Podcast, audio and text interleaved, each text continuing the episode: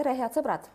tänase ilusa kevadpäeva puhul olen stuudiosse palunud Isamaa esimehe Helir-Valdor Seedri, et kõnelda temaga päevakajalistest poliitilistest küsimustest ja ka mõningatest muudest, mis tema elutööga väga otseselt seostuvad. tere tulemast! tere päevast ja aitüma kutsumast! alustame natuke kaugemalt. kellelt pärineb ütlus, targad õpivad lollidelt enam kui lollid tarkadelt? vaat ei tea, see vast on mingi rahvatarkus tegemist on Vana-Rooma riigitegelase ja kirjamehega, kelle tuntuim teos on põlluharimisest, muuseas ka ainus säilinud teos. selle teose autor arvab, et kõike, mida suudetakse koha peal toota, tuleks toiduks tarvitada, sisse vedada ka ainult seda, mida tõesti ise valmistada ei osata.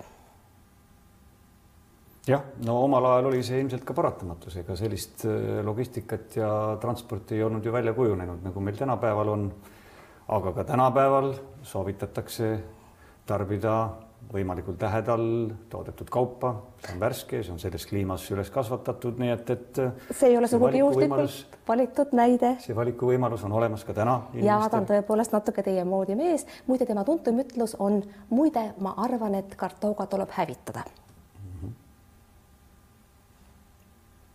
hästi, ma päästan teid piinlikust vaikusest, tegemist on Cato vanemaga ja muide, see tsitaat ei ole sugugi valitud ka juhuslikult, sest äh, see sobiks ka teile.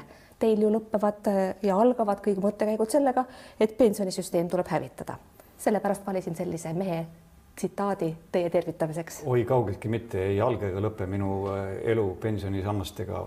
nii et see vast on rohkem ajakirjanike südamel ja ma vaatan, et viimasel ajal eriti ajakirjanikud räägivad teisest sambast, kui mind näevad, siis juba lehvitavad ja kutsuvad, räägime teisest sambast. Pole parata. nii ka teie alustasite kohe teisest sambast. Pole parata, peame tänagi rääkima ja räägime eelkõige selles kontekstis, et äh, viimati, kui, kui tekkis sellest teisest sambast jälle jutt ja kõne alla tuli see, et riigi esimesed mehed tahavad võib-olla peatada makseid, riigipoolsed maksed teise pensionisambasse, siis teie tegite päris alatu käigu ja panite kahvlisse presidendi öeldes, et kui president nüüd kuulutab välja pensionireformi, siis seda ei juhtu.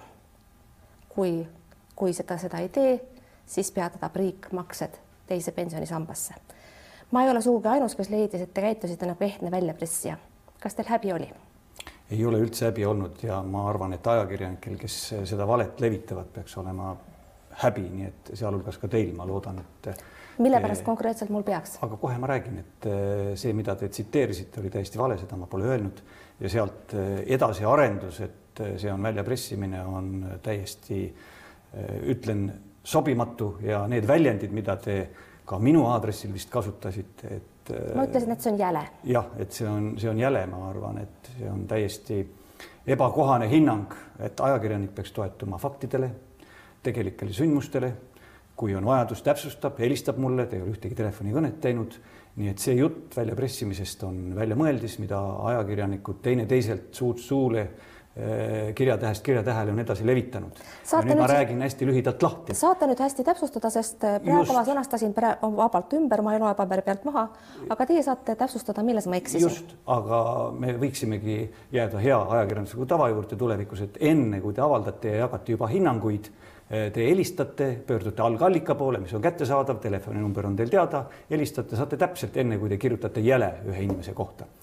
aga Täpsu, ma räägin täpsustan siis täpselt. omalt poolt, ma ütlesin jälle teie käitumise kohta, teie isiku kohta ma seisukohta ei võtnud. jah, aga see käitumine oli täiesti viisakas ja põhjendatud ja argumenteeritud. räägime asjast. räägime asjast ja oleks pidanud juba siis asjast rääkima kui te kirjutasite.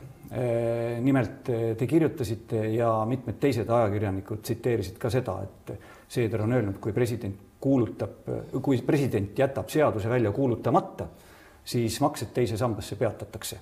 midagi sellist ei ole ma öelnud, vaid otse vastupidi. et kui president kuulutab seaduse välja, siis ei ole mõistlik pensioni teise samba makseid peatada. ja ma ka seda põhjendasin, miks, sellepärast et siis oleks teise pensionisamba maksete peatumine jooksnud ajaliselt pensionireformi seadusesse sisse, need kaks seadust oleks omavahel hakanud kattuma, neid mõlemat oleks vaja olnud hakata muutma, pensionireformi seadust veel tagantjärele, mis on praegu siis Riigikohtusse jõudnud ja see oleks tekitanud täiendava segaduse ja hulgaliselt probleeme. et juhul, kui president tõesti selle välja kuulutab, siis ei ole mõistlik selles olukorras teise pensionisamba makseid peatada. see oli minu mõlemad... arvamus ja, ja, ja, ja olukord, hinnang olukorrale, millega nõustusid ka koalitsioonipartnerid ja, ja, ja seda hakkasid ajakirjanikud, sealhulgas teie, tõlgendama omal riisikol ja omal arvamusel vastupidiselt, et kui president välja ei kuuluta, siis näete, Seeder peatab maksed teise sambasse, vaadake, kuidas ta pressib presidendilt välja. see oli väga inetu edasiarendus minu mõtetele ja minu välja öeldud arvamustele. väga kena, et saite selline selgituse anda. mul on muide teoreetiline küsimus, kas võiks üldse olla mingisugune võimalus, kui teil oleks häbi. Te praegu ütlesite, et teil ei olnud, teist mõisteti valeti, hoopis ajakirjanikud on kõigest valesti aru saanud. kas teoreetiliselt olemas, on olemas mingisugune võimalus, et, et te häbenete oma käitumist? Kõigepealt äh, ma ei taha üldistada ja ei ole üldistanud, et kõik ajakirjanikud said valesti aru.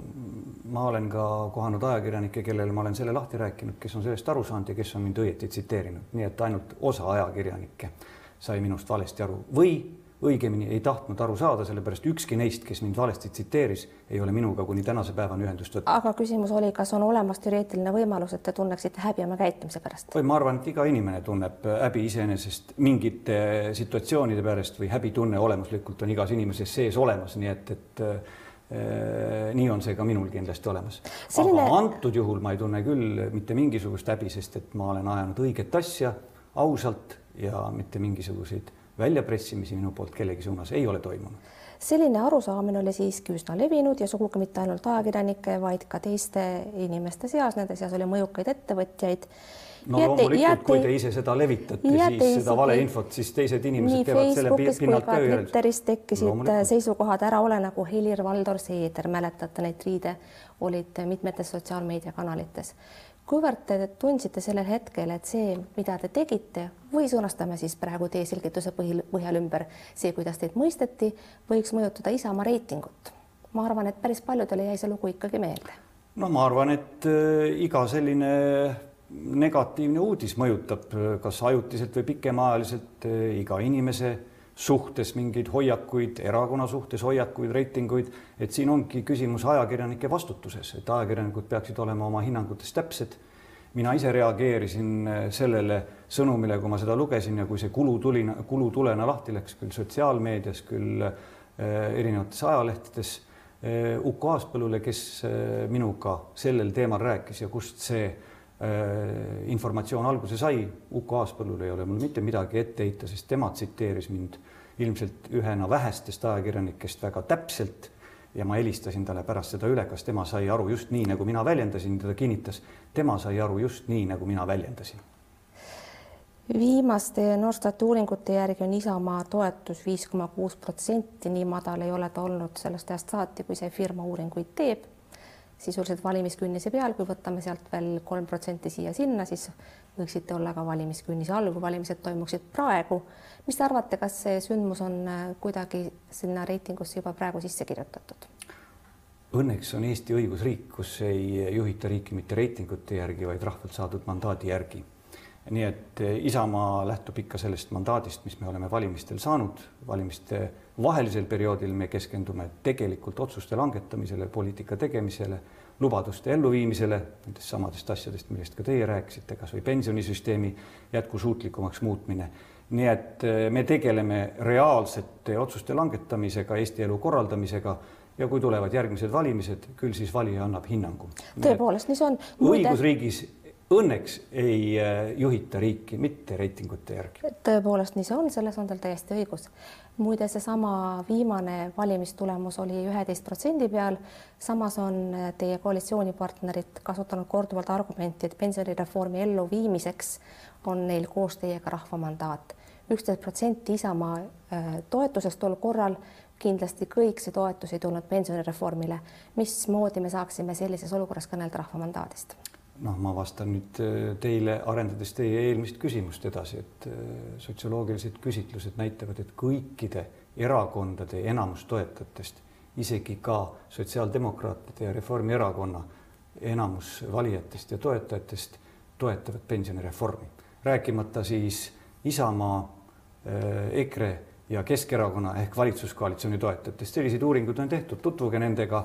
Need küsitlused väga hästi näitavad, et enamus rahvast toetub, toetab pensionireformi, toetab seda, et muuta pensionisüsteem vabatahtlikuks ehk siis anda inimestele suurem valikuvõimalus ja vabadus oma vahendite üle otsustamises, otsustamise osas. nimetage palun üks konkreetne uudis, konkreetne uuring, mida te praegu silmas pidasite, neid on tõepoolest palju. on ka, on ka täiesti vastupidised.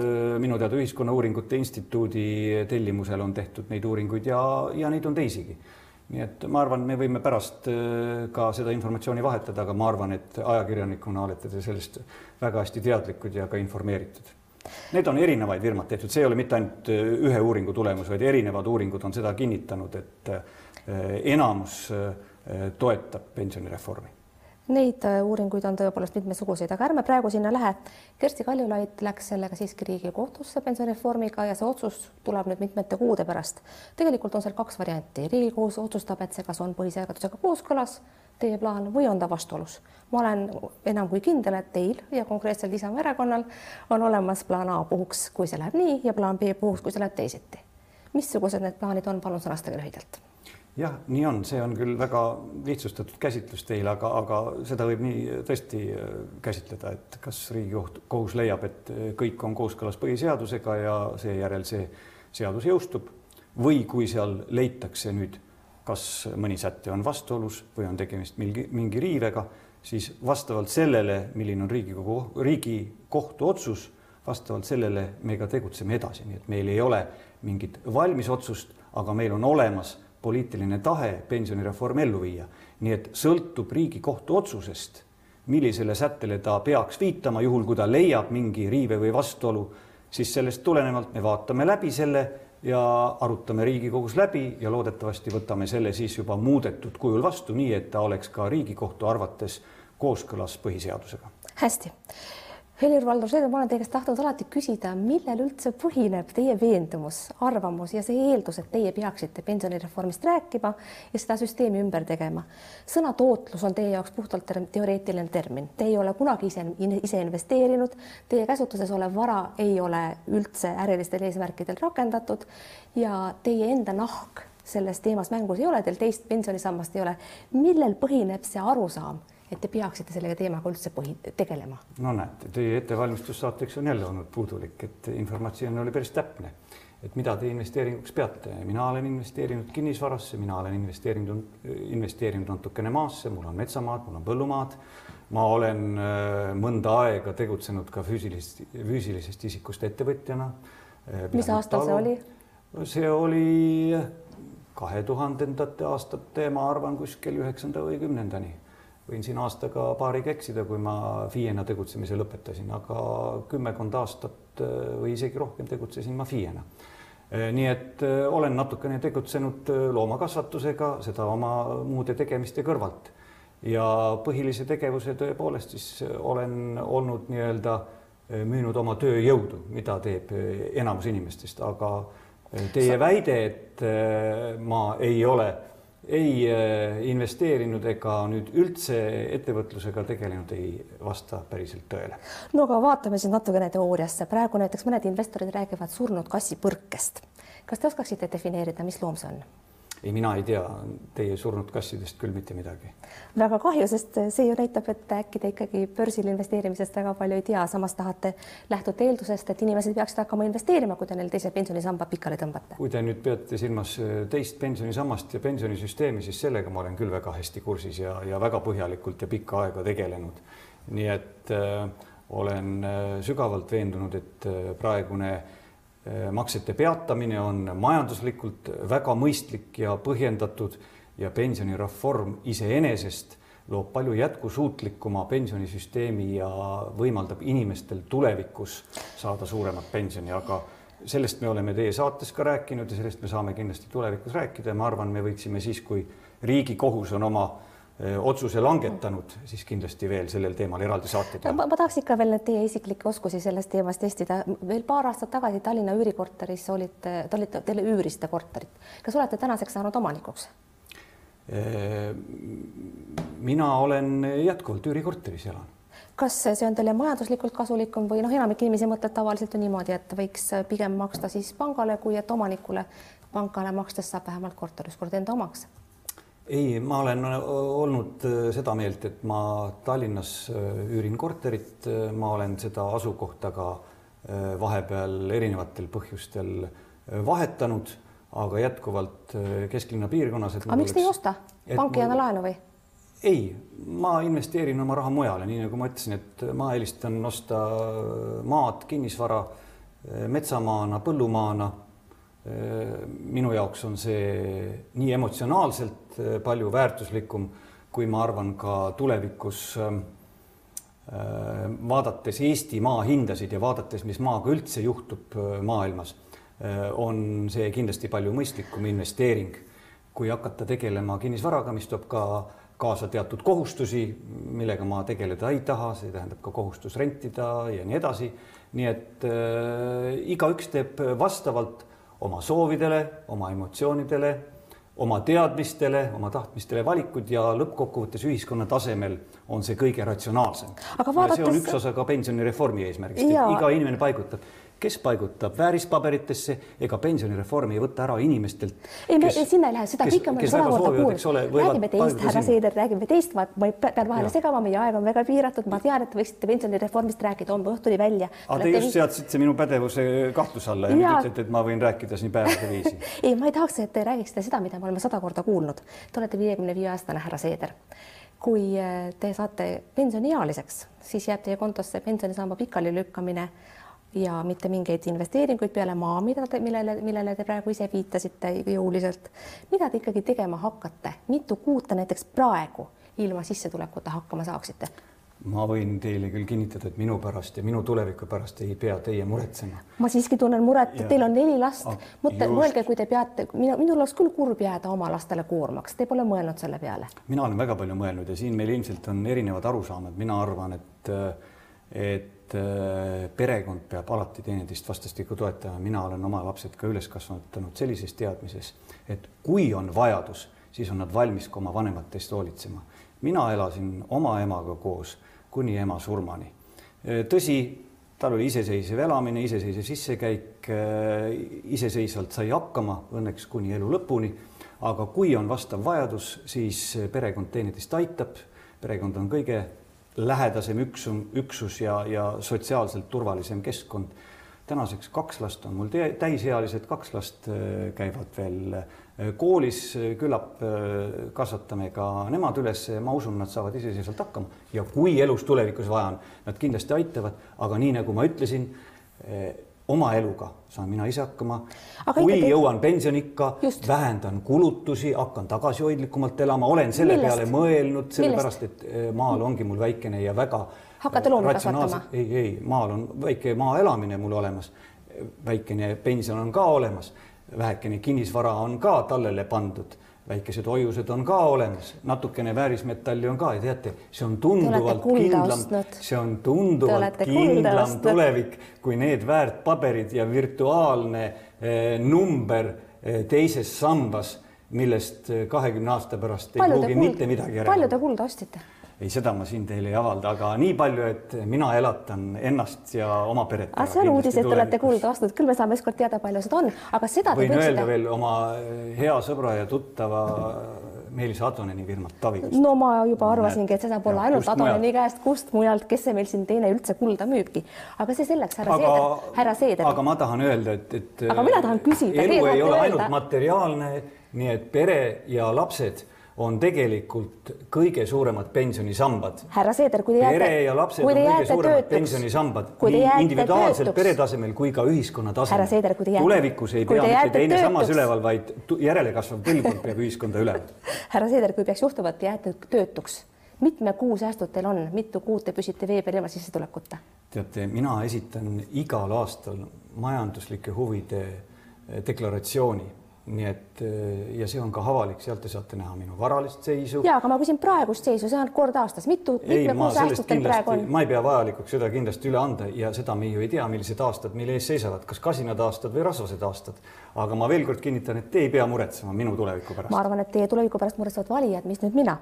aga hästi. ei me..., valijad muide niisuguseid äh, küsimusi mulle esitanud ei ole ja, ja selle vastu probleemi, selle vastu ei ole huvi tundnud, et kuidas mina isiklikult hakkama saan ja milline on konkreetselt lihtsalt minu varaline seis. aga nad võiksid, mees, kes lammutab pensionisammast, võiks ise olla väga eeskujulik oma varalistes suhetes. hästi, härra Seeder, meil on jäänud neli minutit, et rääkida aktuaalsest poliitikast. mulle tundub, et esimest korda EKRE ja Isamaa on minemas kuidagi lahku, teil on tekkinud erimeelsused, senimaani olite üsna sarnased, erinevus oli peamiselt retoorikas. Martin Helme rahandusminister on öelnud, et avalikku sektorit kärpida ei tule. Teie ütlete, et kärpimisele minnakse kindlasti.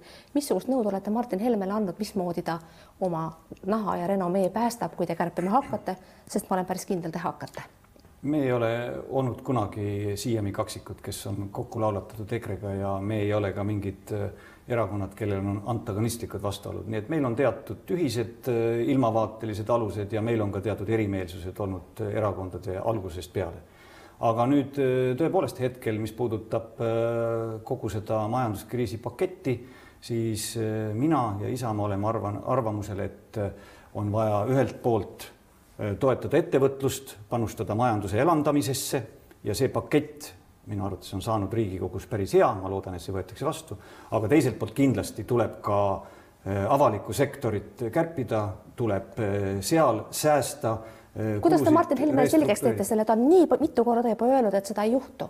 ei, äh, me oleme sellel teemal päris mitmel korral vestelnud ja valitsuskabinet on isegi otsustanud juba selle ära, et minnakse. seda olete te avalikult välja öelnud. ja see aga on oleks, protokollilises oleks, otsus ka fikseeritud. aga oleks loogiline, et selline teade tuleb majandusministrilt või, või tuleb rahandusministrilt, mitte teilt. Te ei kuulu ju isegi valitsusse. noh, aga ega see ju ei ole oluline, kellelt see uudis tuleb, tähtsam on ikka lõpptulemus tähtsam on lõpptulemus, milles kokku lepitakse ja ma arvan, et lõpuks me saame päris hea lahenduse, et avalik sektor peab olema kindlasti siin Üks... erasektoriga solidaarne. ma olen teiega nõus, solidaarsuse mõttes on see erakordselt oluline märk ühiskonnas. Lukas, kultuuriminister Tõnis Lukas on avaldanud valmidust enda peale võtta äh, see summa, mille õnnetu Postimees on äh, investeerinud olümpiamängude kajastamisse, tema tahaks selle asja ERR-i üle osta. Martin Helme jällegi ütleb, et temal käsi ei tõuse raha selle peale andma. kuidas teie seisukoht on? kas te olete Tõnis Lukasele helistanud ja küsinud? ma olen selle juhtumiga ei ole, eks ole, vastus on ei ole, te ei ole kursis, ma täna hommikul rääkisin Tõnis Lukasega. andke palun uuemat infot eh,. annan kohe värsket infot eh,. peaaegu otseallikas, olles Tõnis Lukasega isiklikult rääkinud. teda on valesti mõistetud ta ei ole isegi seda kunagi öelnud, et eh, peaks ostma viiesaja tuhande euro eest või mingisuguse muu raha eest olümpiamängude eh, näitamisõiguse Rahvusringhäälingule. ta küll on öelnud, et tema on Rahvusringhäälingu usku, et Eestis võiks näidata suuri üritusi, eelkõige Rahvusringhääling, on see siis laulupidu, on see siis olümpiamängud, aga konkreetselt sellist ettepanekut ka oma Äh, kriisipaketis, mille ta peab valitsusse tooma, ta ei tee ja midagi sellist, et ta kavatseb osta nüüd Postimehelt need õigused midagi sellist ei ole ta mitte kusagil mina tean, miks teie erakonnaga ühtelugu juhtub seda, et saadakse valesti aru. Reinsaluga on täpselt sama lugu, kogu aeg käib ringi üks ämber jala otsas, ajakirjanikud lihtsalt ei saa aru, mis ta räägib. aga öelge, mulle te ei helistanud, kui te levitasite informatsiooni, et ma pressin presidendilt välja, Tõnis Lukasele te ei helistanud, kui te levitate juttu. vaat sealt hakkavadki need vead, mitte meie erakonnas ei ole viga, vaid ikka nendes mõnedes ajakirjanikes, kes ei pöördu algallika poole, pöörduge julgelt algallika poole, ärge kartke midagi. otse-eetrit raiskama selleks, et teile seletada seda, mille poolest esinevad erinevad uudise arvamus, aga ma loodan, et vähemasti osa meie vaatajatest on sellega kursis niigi. härra Seeder, meil on jäänud väga lühikene aeg veel saate lõpuni, öelge palun, kui väga te isiklikult seda viirust kardate ja mida teete selleks, et terveks jääda no ma olen ettevaatlik, ma nüüd ei äh, ütle, et ma lausa paaniliselt kardan, aga ma olen ettevaatlik, nii et äh, ka püüan füüsilisi kontakte võimalikult äh, vältida, kui see on võimalik, aga ma käin ka füüsiliselt paljudel koosolekutel ikkagi jätkuvalt kohal. maski siiamaani ei kanna, nagu ma näen. maski ma ei kanna, aga ma desinfitseerin käsi tihedamini, pesen, jälgin neid hügieeninõudeid veel tähelepanelikumalt ja hoolikamalt, kui seda tavaolukorras olen teinud nii et eh, nii palju on minu elu muutunud, aga midagi enamat küll praegu mitte. Helir-Valdor Seeder, ma tänan teid südamest, et tulite stuudiosse ja ajasite minuga juttu. head sõbrad, aitäh, et te vaatasite, järgmine saade on eetris vähemasti järgmisel nädalal. olge terved, mingu teil hästi, kuulmiseni, nägemiseni